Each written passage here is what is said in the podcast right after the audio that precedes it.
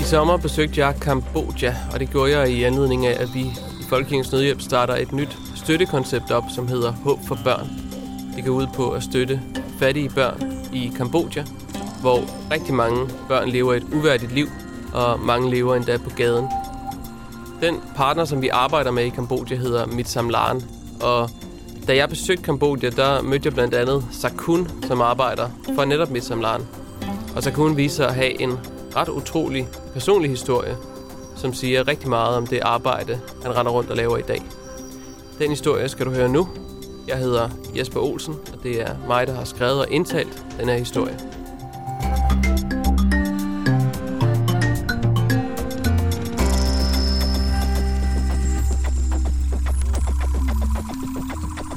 Der ligger seks børn og flyder op på øverste etage. Seks sivtynde drenge med kort sort hår og bare maver har smidt deres hulbrystede overkroppe på et tyndt rødt tæppe, som er bredt ud over det hårde nøgne gulv.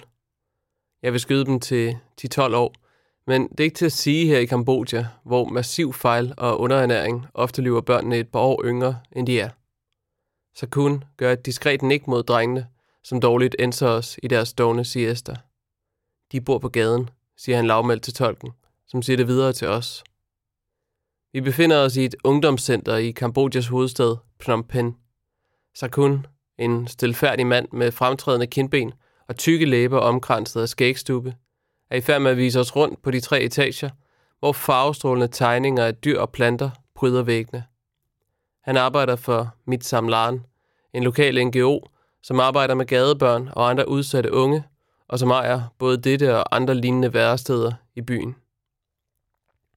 Her kan unge og yngre dumpe ind og ud efter behov, lege, danse, synge karaoke, dyrke sport, eller bare hvile sig i ly for solens svitsende stråler.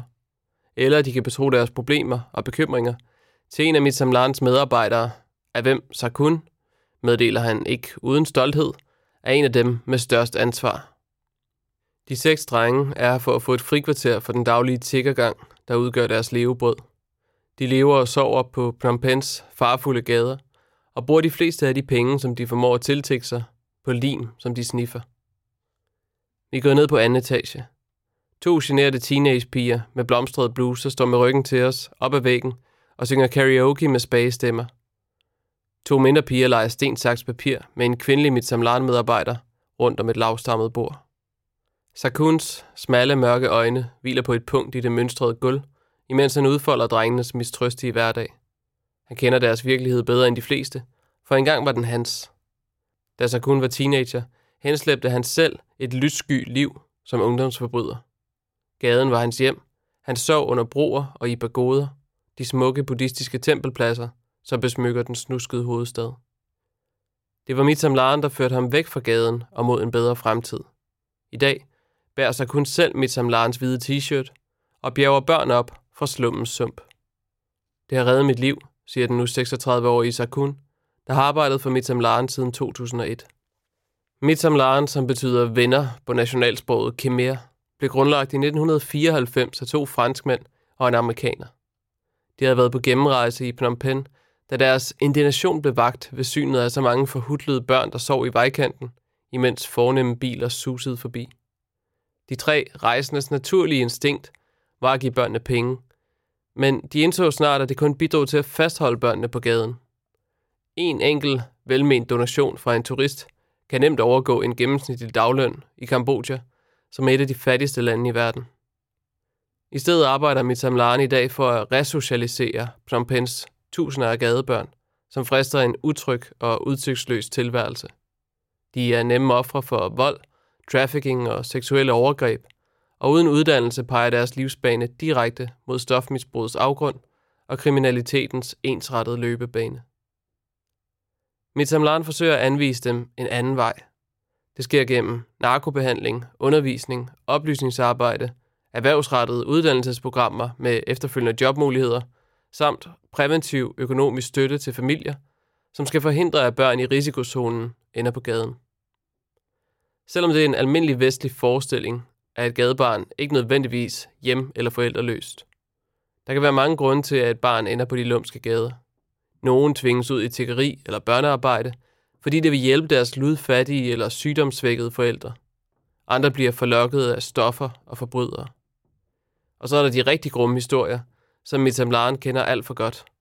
Om børnehjemmene, der er blevet en form for afstumpet industri i Kambodja, hvor følelsesforladte forstandere lokker børn væk fra deres hjem og familier, fordi der er penge at tjene på volonturister, som er velmenende vesterlændinge, der melder sig som frivillige i den tro, at de gør en god gerning for forældreløse børn.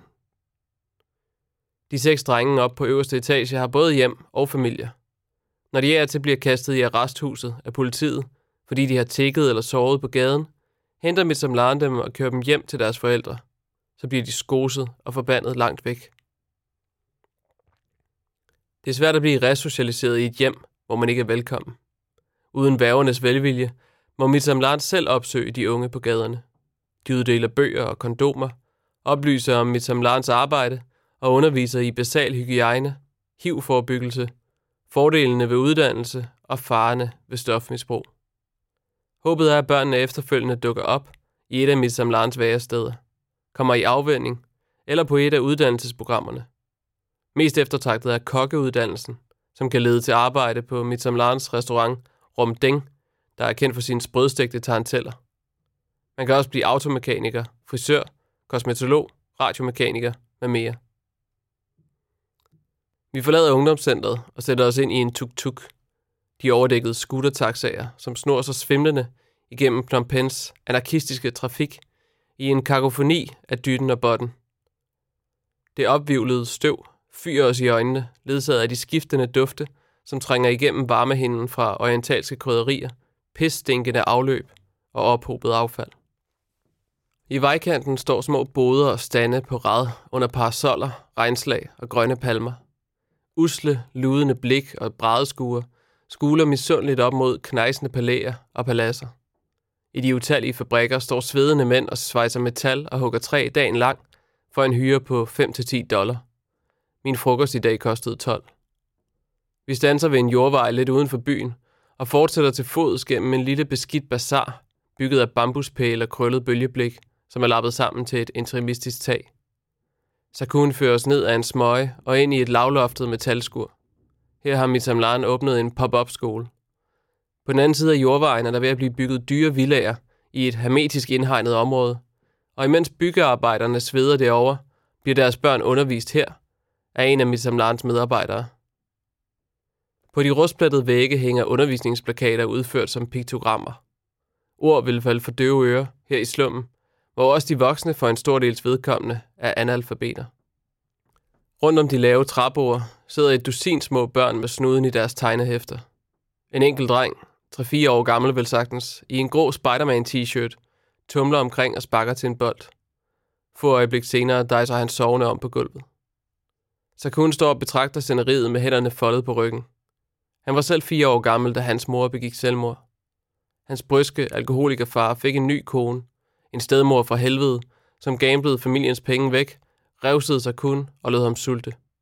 Til sidst fik sig kun nok og forlod hjemmet. På gaden blev han gangster, som man udtrykker det på sit rudimentære engelsk. Han havde sin egen lille bande, som sloges med de andre bander om territorium. Sakun var chefen. Det var ham, der beordrede undersåtterne ud for at gennemrode containere eller stjæle mobiltelefoner om natten. Jeg spørger, hvilken farve han var dengang. Mitamlaren tildeler børnene en farve efter graden af deres problemer. Rød er mest alvorligt, grøn mindst, gul midt imellem. Rød, svarer Sakun kun lakonisk, med blikket vendt mod børnene. Rød betyder, at der er stoffer involveret. Alle de andre sniffede lim og brugte rygeamfetamin. Jeg prøvede også at sniffe lim, men jeg kunne ikke trække vejret ordentligt, når jeg gjorde det, så jeg stoppede, fortæller han, uden synlige sindsbevægelser. En dag i 1997, da han lå og hvilede sig under en bro, blev så kun passet op af en kvinde. Kvinden, der præsenterede sig som Sopik, bar den samme hvide t-shirt med Mitam Larens lyseblå logo, som så kun bærer i dag. Hun fortalte, at hun arbejdede for en organisation, som kunne hjælpe Sakun med at vende sit liv om. I begyndelsen affærdigede Sakun hende. Jeg tænkte ikke på min fremtid dengang. Jeg var ligeglad med mit liv. Ligeglad om jeg levede eller døde. Jeg var vant til, at alle anså os som udskud, siger han. Men Sopik var insisterende. Hun blev ved med at vende tilbage, blev ved med at forsøge at trænge ind til gangsteren. En dag lå sig kun så overtale til at følge med hen til et af Miss Amlans ungdomscentre.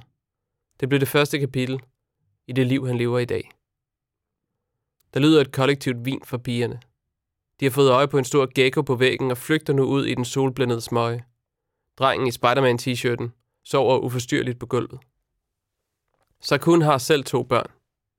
En søn på et år og en datter på 13, som bor hjemme, går i skole, og i det hele taget ligger lunere i svinget, end hendes far gjorde, da han på hendes alder sov på gadehjørnerne. Sakun siger, at hans fortid gør arbejdet for Metamlan ekstra meningsfuldt for ham. Når han strejfer rundt i slummens smøger og taler med børnene, plejer han at fortælle dem sin egen historie. Jeg var ligesom dig, siger han til dem. Og de har respekt for trøjen, siger han, og tager fat i t-shirten.